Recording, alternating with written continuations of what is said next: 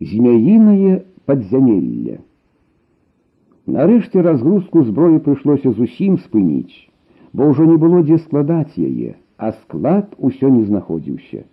Тады адправілі чалавек 20 у далёкую экспедыцыю. Бадзяйцеся там хоць тыдзень, але адшукайце памяшканне, сказаў ім гудас. Экспедыцыя накіравалася на захад, туды, дзе дыміўся вулкан. Спадзяваліся, што ён за сваё жыццё павінен быў нарабіць досыць розных пячораў. Каб не блытацца, пайшлі па беразе мора, але не надта выгадалі, уся роўна прыходзілася круціцца, абмінаць скалы, фіёрды. Зразумела, не міналі выпадку, каб адысціся ў бок, зірнуць у кожную шчыліну.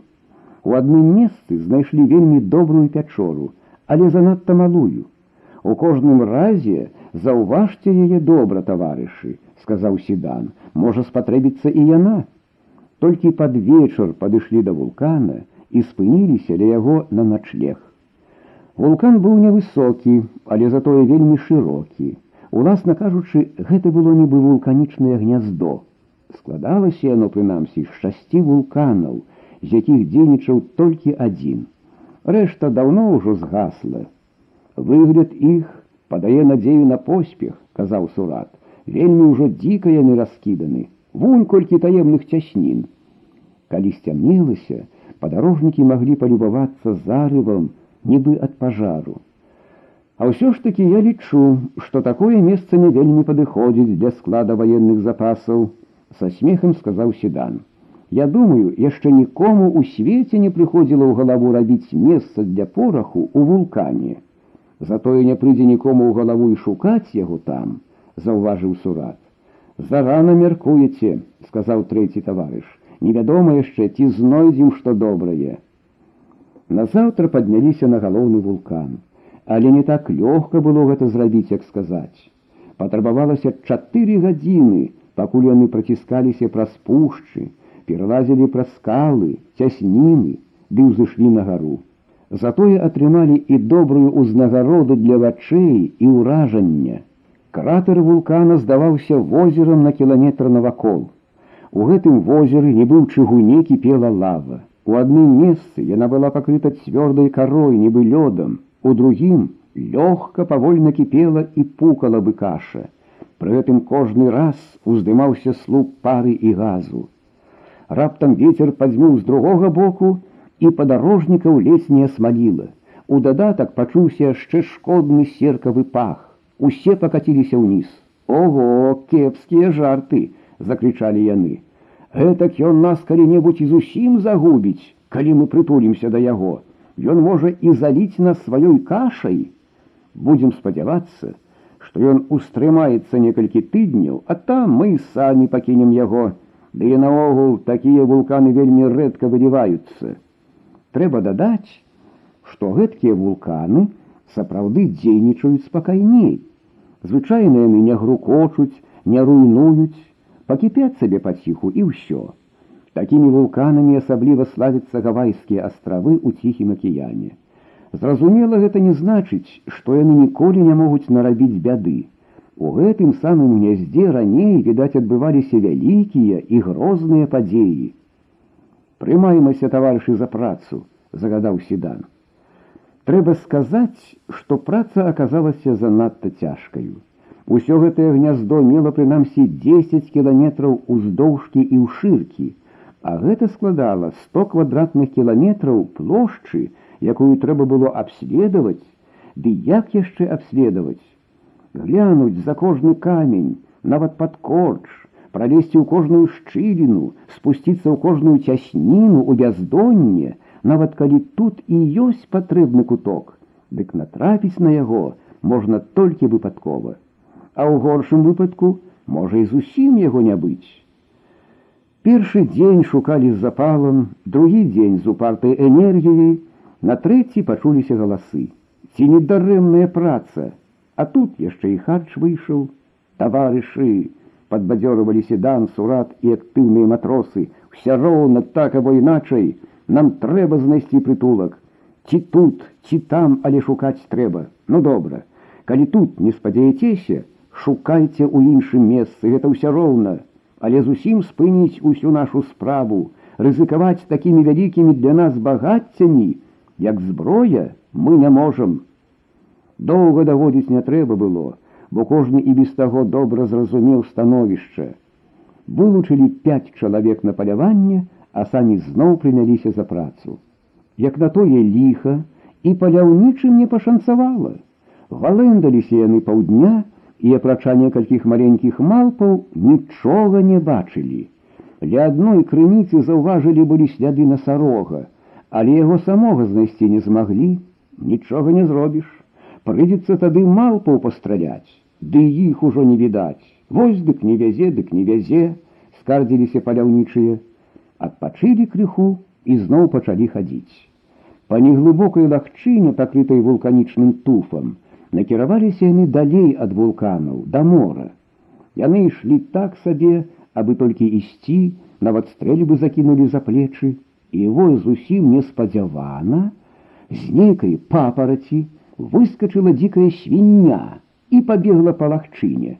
Пакуль паляўнічыя знялі стрэльбы, яна завярнула ў бок і знікла. Ледзь не плачучы ад прыкрасці, пабеглі нашы паляўнічыя ўслед, завярнулі і ўбачылі лясок з велізарных тамарындаў. Ён цягнуўся направа і налево крокаў на сто, а далей уздымаліся спарахнелыя скалы. Прайшлі з крокаў двадцать наперад і напароліся ўжо на цвёрдую стромкую скалу. Таварышы, хутчэй назад, станьма з таго боку. Яна павінна быць тут, яна нікуды не магла ўцячы, абрадаваліся паляўнічыя.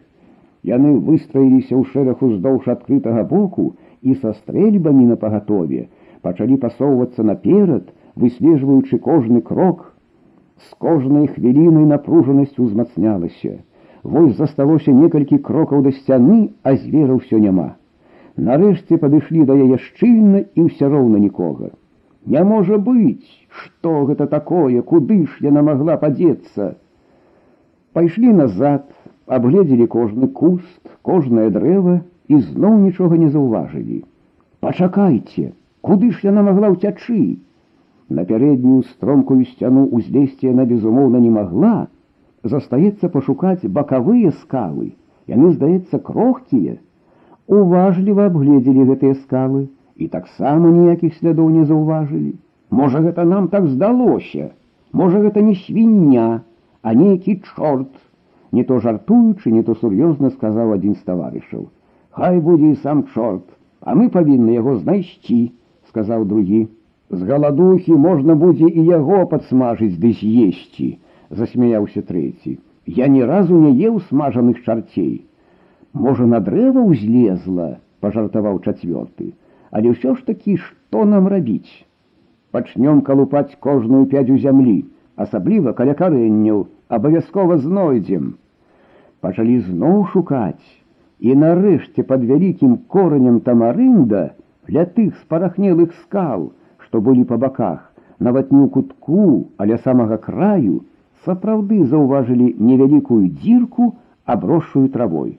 Вось куды ён дзеўся, абрадаваліся паляўнічыя і пачалі пашыраць дзірку. Павырывалі траву, адгрэблі пясок, потым нейкае нібы шкляное каменне. Эге, ды там відаць вялізнае пустое памяшканне. Можа, чаго добрага і для нашай справы годнае. Жарты жартамі, а дзірка сапраўды вела кудысьці ў глыбіню. За зямлёй пайшлі цэлыя крушні шклянога камення. Самае ж галоўнае, яны не былі суцэльнымі, іх лёгка было цягаць кавалкамі. Трапляліся часам і вельмі цікавыя і прыгожыя слупкі з гэтага дзіўнага камення. Нарэшце шчыліна зрабілася такою, што ў яе можна было пралезці. На момант таварышы нерашуча спыніліся. Ліха яго ведае, куды яшчэ трапіш. Ну, калі вяпрук пролез, дык мы тым болей, сказаў першы і асцярожна пачаў спускацца. Але і асцярожнасці ніякай не патрэбна было. Каменне спускалася ў сярэдзіну паступова, нібы прыступкамі. Хадзіце сюды, нічога асаблівага няма, крыкнуў той знутры. Праз хвіліну ўжо ўсе там былі. У каго ёсць запалкі запальвайце. Мільгануў агенчык, і нашы таварышы аж ускрыкнулі ад здзіўлення. Перад імі была велічэзная зала, якая нават гублялася недзе там у цемры, але дзіўней за ўсё было, што яна здавалася шкляною, ды яшчэ з рознакаляровага шкла, сцены, столь, подлога, усё было са шкла. Зверху яшчэ віселі шкляныя нацёкі, усё гэта ад святла зайграла рознымі колерамі і зусім нагадвала казачны палац. Ну вось, я ж казаў, што гэта быў чорт, а гэта яго палац, сказаў той самы таварыш, і на гэты раз здавалася, што гаворыць ён бадай сур'ёзна. У такім разе трэба будзе падзякаваць яму за дасканалае памяшканне для нашай зброі. А дзе ж наша свіння дзелася? Ну, цяпер аб ёй няма чаго думаць. Ды яна не ўцячэ, хай хто-небудзь прывядзе нашых хлапцоў, вось парадуюцца яны. Праз некаторы час таемная пячора напоўнілася вясёлым людскім гоманам. Пасярэдзіне гарэла вогнішча, ад якога дзіўна яскравіліся шкляныя сцены, цацкі на столі, але там далей жудасна чарнелася таемная цемра. Пойдзем, таварышы, на паляванне, а разам з гэтым даследуем наш палац, прапанаваў седан. Хоць і змораныя былі нашы падарожнікі, але перад такім незвычайным паляваннем забыліся на ўсё на свеце. Зараз жа наламалі смольнага галля, зрабілі факелы і рушылі ў дарогу. Наколькі казачна быў палац, настолькі і працэсія была казачная. Наперадзе у шэрах ішло 10 чалавек з вінтоўкамі на пагатове. Рэшта ішла ззаду, падняўшы высока над галавой факелы. Агонь крок за крокам рассякаў цемру і адчыняў усё новыя і новыя пакоі, залы, коридоры, завулкі. І ўсе яны былі са шкла, усе цудоўныя скравіліся рознымі колерамі. Наверсе замітусіліся кажаны, нават нейкія птушкі, унізе забегалі яшчаркі, нейкія звяркі. Вось пачуўся тупат буйнога звера, але ўбачыць яго было нельга. Вось он дзе наш вяпрук, здагадаліся таварышы. Па справядлівасці трэба было пашкадаваць яго за тое, што прывёў нас у гэты палац, але ж, на жаль, есці вельмі хочацца. Так прайшлі мусіць метраў 200, а наперадзе ніякага канца не было відно. Нарэшце заўважылі збоку завулак. Давайте глянем сюды. Завярнулі. Завулак быў значна меншы за галоўную вуліцу і далей вельмі хутка зніжаўся і звужаўся. Нарэшце застаўся зусім маленькі куток, а ў ім нешта варушылася. Я прук! закрычэлі некалькі галасоў разам. Раздаліся стрэлы, рэха пакацілася па падзямеллі. Дзік быў забіты, хоць і хацелася вярнуцца назад і зараз жа пакаштаваць свежыны, але цікавасць была мацней. Палажылі здабычылі ўваходу ў завулак, а самі пайшлі далей. Вось яшчэ адзін завулак з другога боку але там нічога цікавага не знайшлі. Яшчэ прайшлі некалькі крокаў, подлога панізілася, запахла вільгаццю і яшчэ нейкім незразумелым, але непрыемным пахам. Але што там наперадзе шастае і варушыцца? Змеі, змеі назад! У змроку хістаўся цэлы лес галоў, блішчэлі вочы, рухаліся джалы, злое сіпенне ўсё ўзмацнялася. Што рабіць? запыталіся ўзброеныя, ці страляць? Не-не, не варта, пачуліся галасы. Невядома яшчэ колькі зможаце забіць адразу, а рэшта разлаваная, ды натоўпам могуць нарабіць вялікай бяды. Потым справімся з імі, зброю ў нас хопіць. І ўвесь атрад нейк мімаволі хуценька пасунуўся назад і добра зрабілі, бо ўступаць у бойку з этакай масай змеяў, ды яшчэ ў цемры было вельмі рызыкоўна. Перад такім ворагам прыйшлося адступіць. Засмажылі кабаніну і доўга разважалі і дзівіліся з усяго таго, што бачылі. Начаваць з гэтакімі суседзямі пабаяліся і выйшлі на паверх. Над вулканам блішчэла зарава, а недзе блізка гуло мора, паляглі, вясёлыя і задаволеныя і зараз жа моцна паснулі. Але ўначы раптам пачуўся грукат гарматных выстрелаў, а затым свіст і сіпенне. Мігам усе былі на нагах ухапіліся за зброю, пачалі прыслухоўвацца, але больш ужо нічога не чулі. Пасунуліся сюды туды, прыгледзеліся, прыслухаліся, ды так нічога асаблівага і не заўважылі. Што б гэта такое магло быць? здзівіўся седан. Я ж сам добра чуў стрэл, а потым нейкі свіст і сіпенне. І я гэта самае чуў, сказаў сурат.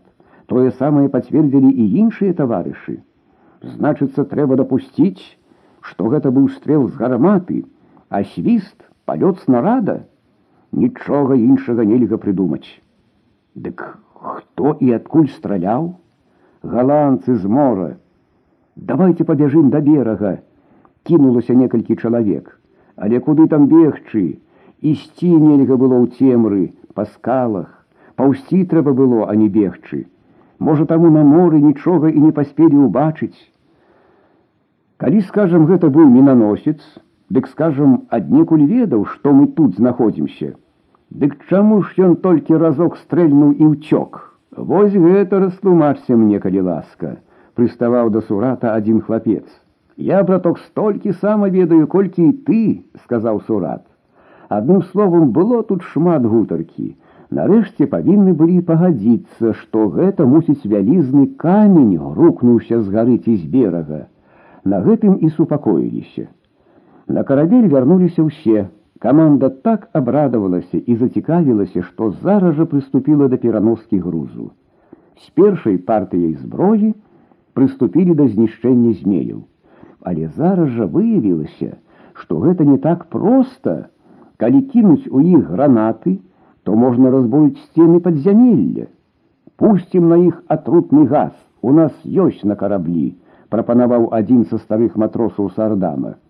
Гэта думка вельмі спадабалася, але другі таварыш, які стаяў бліжэй да гэтай справы, папярэдзіў, што газ у гэтым злачынным падзямеллі можа трымацца некалькі тыдняў, значыцца, і яны самі не змогуць уваходзіць сюды столькі часу.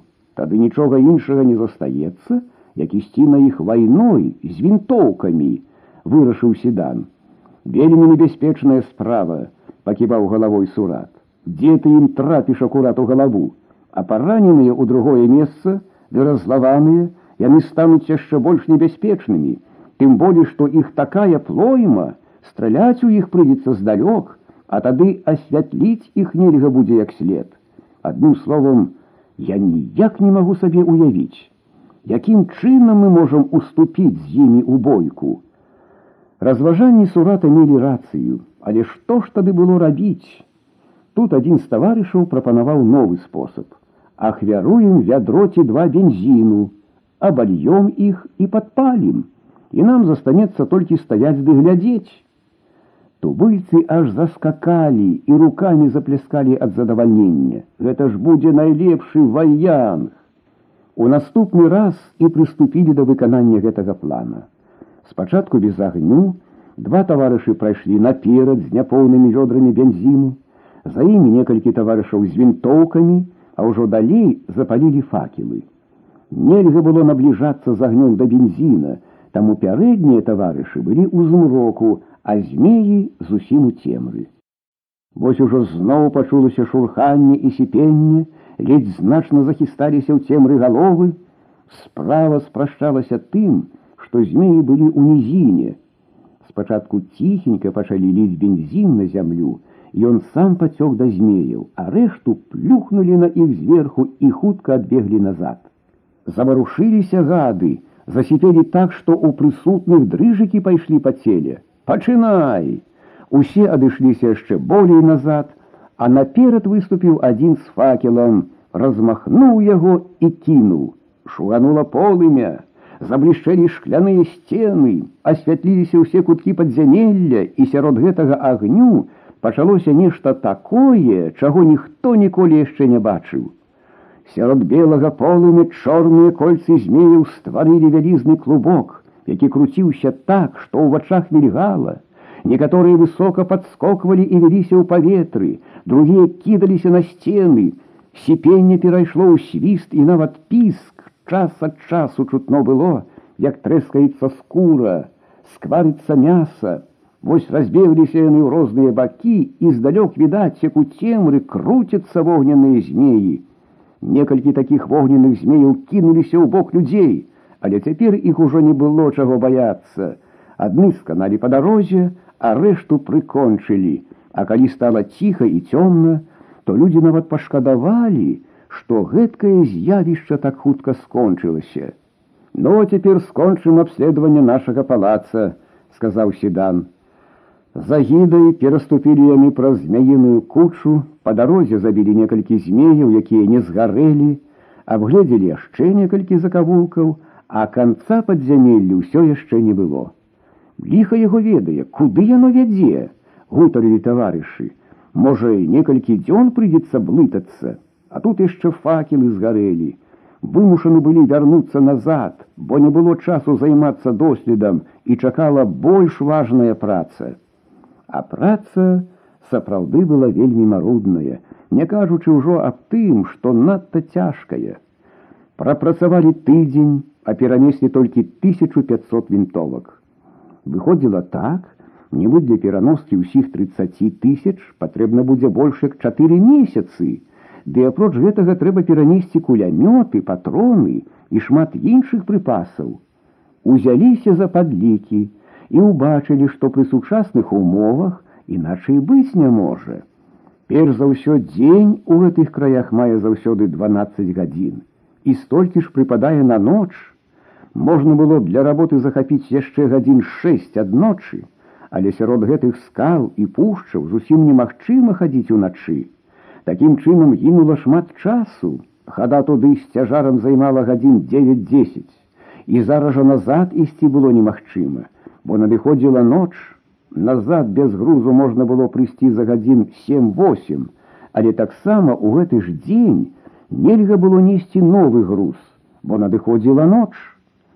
Па дарозе трэба было ісці па скалах, пераходзіць цяснімі, паўсці, скакаць.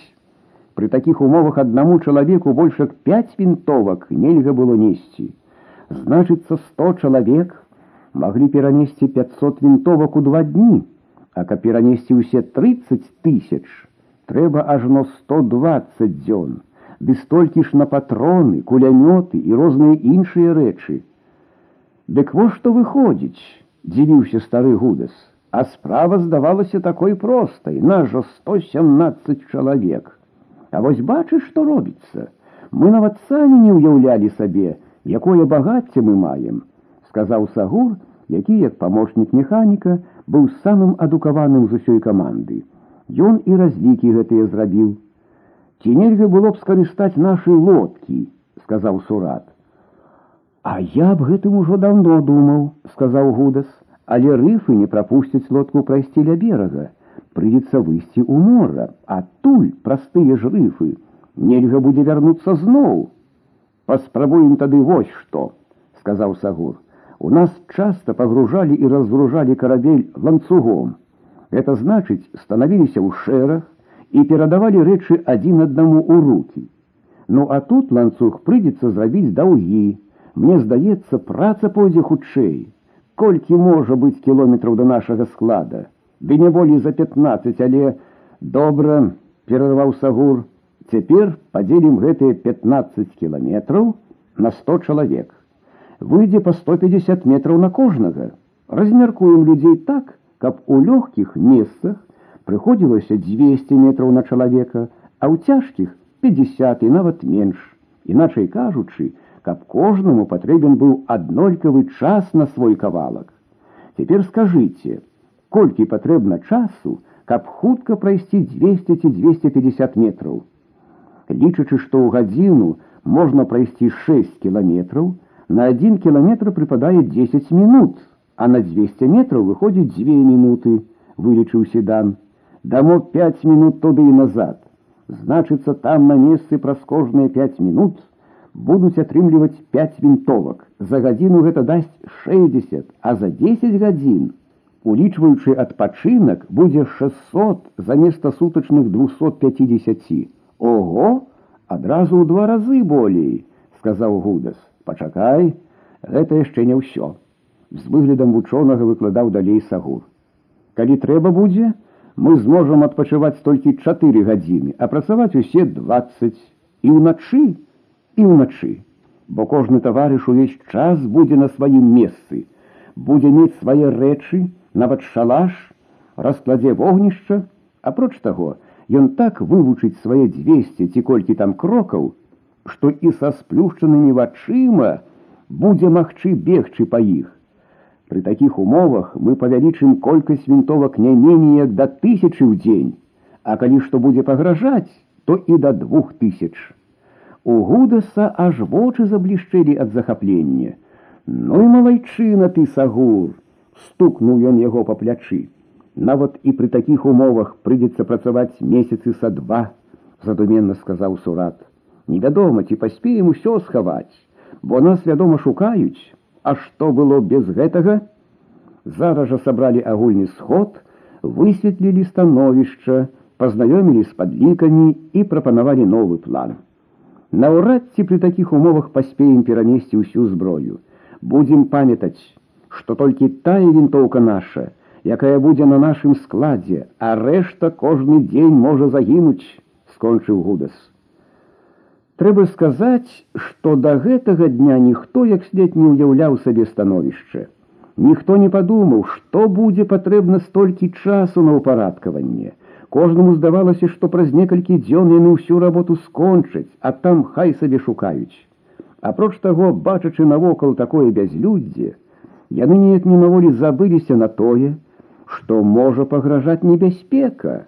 Адкуль яна возьмецца з мора бяспечна, яны ў гэтым ужо пераканаліся зямлі тым болей цяпер толькі яны ўбачылі якая вялікая праца ім застаецца і сур'ёзна падумалі аб тым што не заўсёды можа быць так ціха як цяпер у адзін голас усе патрабавалі каб працаваць без перапынку не менш як 20 гадзін увесь наступны дзень заняла падрыхтоўка пять чалавек паставілі каб складваць і ўпарадкаваць 12 человек покинули на корабли для разгрузки. 100 человек размерковали по дорозе, як казаў Сагур. Кожному далі цёплае адзенне, харч. У тых пунктах, дзе не было вады, поставілі вёдры з вадой. Два чалавекі з карабля павінны былі абыходзіць фронт кожны дзень і задавальняць патрэбы таварышаў. Усе былі папярэджаны, што можа прыйдзецца стаяць на месцы некалькі тыдняў, а харчавацца прыйдзецца абы як нават без гарачай вады але ці прывыкаць было яванцам да гэтага нарэшце ўсё было скончана. Да заходу сонца заставалася яшчэ гадзіна. Усе з нецярплівасцю чакалі моманту калі можна будзе пусціць машыну ў ход. Але інжынер сагур папярэдзіў. Не забывайцеся што апошні атрымае пасылку толькі праз чатыры гадзіны калі будзе цёмна. Нічога, нічога, загулі ўсе, пусцім хоць некалькі пасылак, затое апошнія заўтра пачнуць пазней на чатыры гадзіны. На спробу паслалі пять штук, просячы паведаміць, як ідзе справа, асабліва ад сярэдніх. Бліжэйшыя адказы паказалі, што ў некаторых месцах былі перабоі, але часткай гэта тлумачылася тым, што было цёмна. Адказу ад апошняга звяна можна было чакаць толькі праз 8 гадзін. Назаўтра першую пасылку адправілі ад трэцяй гадзіне ночы, каб там атрымалі яе ўсім, а інжынер сам пайшоў па фронце. Прыйшлося сям там паправіць, пасунуць бліжэй ці далей, але наогул машына працавала нядрэнна. Самі таварышы былі вельмі зацікаўлены і бегалі так, што пасля паўдня пасылкі пачалі паступаць на месца нават праз кожныя тры мінуты. Увесь час гэтак працаваць, вядома, нельга было. За дзень было зроблена тры перапынкі па гадзіне, але затое самі таварышы попрасілі для спробы пусціць машыну і ўначы. На гэты раз і ў цемры яна добра працавала. Спыніліся а 12 гадзіне. Дзень за днём ішла ў партыя безупынная праца. Спынялася яна на 4-5 гадзін уначы ды ў дождж. Вось ужо тыдзень прастаялі таварышы на сваіх месцах, вось другі, У часе перапынку зараз жа валіліся на зямлю і тут жа засыналі. Але ніхто не скардзіўся, ніхто не вымагаў большага адпачынку. Жывучы адзінокім у лесе, Кожны адчуваў сябе звяном аднаго вялікага ланцуга. Кожны ведаў, што калі гэтае звяно сапсуецца, то спыніцца ўся машына. І кожны ведаў, што робіць ён усё гэта добра ахвотна, не для сябе і не для гаспадароў, а для ўсіх. Аднаго разу канвеер неспадзявана спыніўся. Потым прыйшла тэлеграма, што ля фронта з'явіліся два тубыльцы і што таварышы адпрацоўваюць іх. Потым другая тэлеграма, яны ідуць дапамагаць. Праз некаторы час з'явіліся два чалавекі і, відаць, з радасцю заўважылі, што тут, пачынаючы ад капітана усе свае. Таварышы, звярнуўся да іх гудас, вось ваш карабель, ваша зброя, дапамажыце нам. Гэтыя простыя словы, відаць, зрабілі на іх мацнейшае ўражанне. Заўсёды з вами, адказалі яны ўзрушаным голасам, і ланцуг павялічыўся на два звяны. У часе перапынку запыталіся, адкуль яны, як сюды трапілі і што наогул там чуваць. Нашу зямлю адабраў рэгент сабе пад сялібу. Мы тады прыйшлі сюды ў горы, пабудавалі шалаш, бадзяемся і шукаем спажывы. Некалькі часу назад мы натрапілі на аднаго чалавека, мусіць з вашых. Ён зблудзіў, пабіўся і паўслед жывы.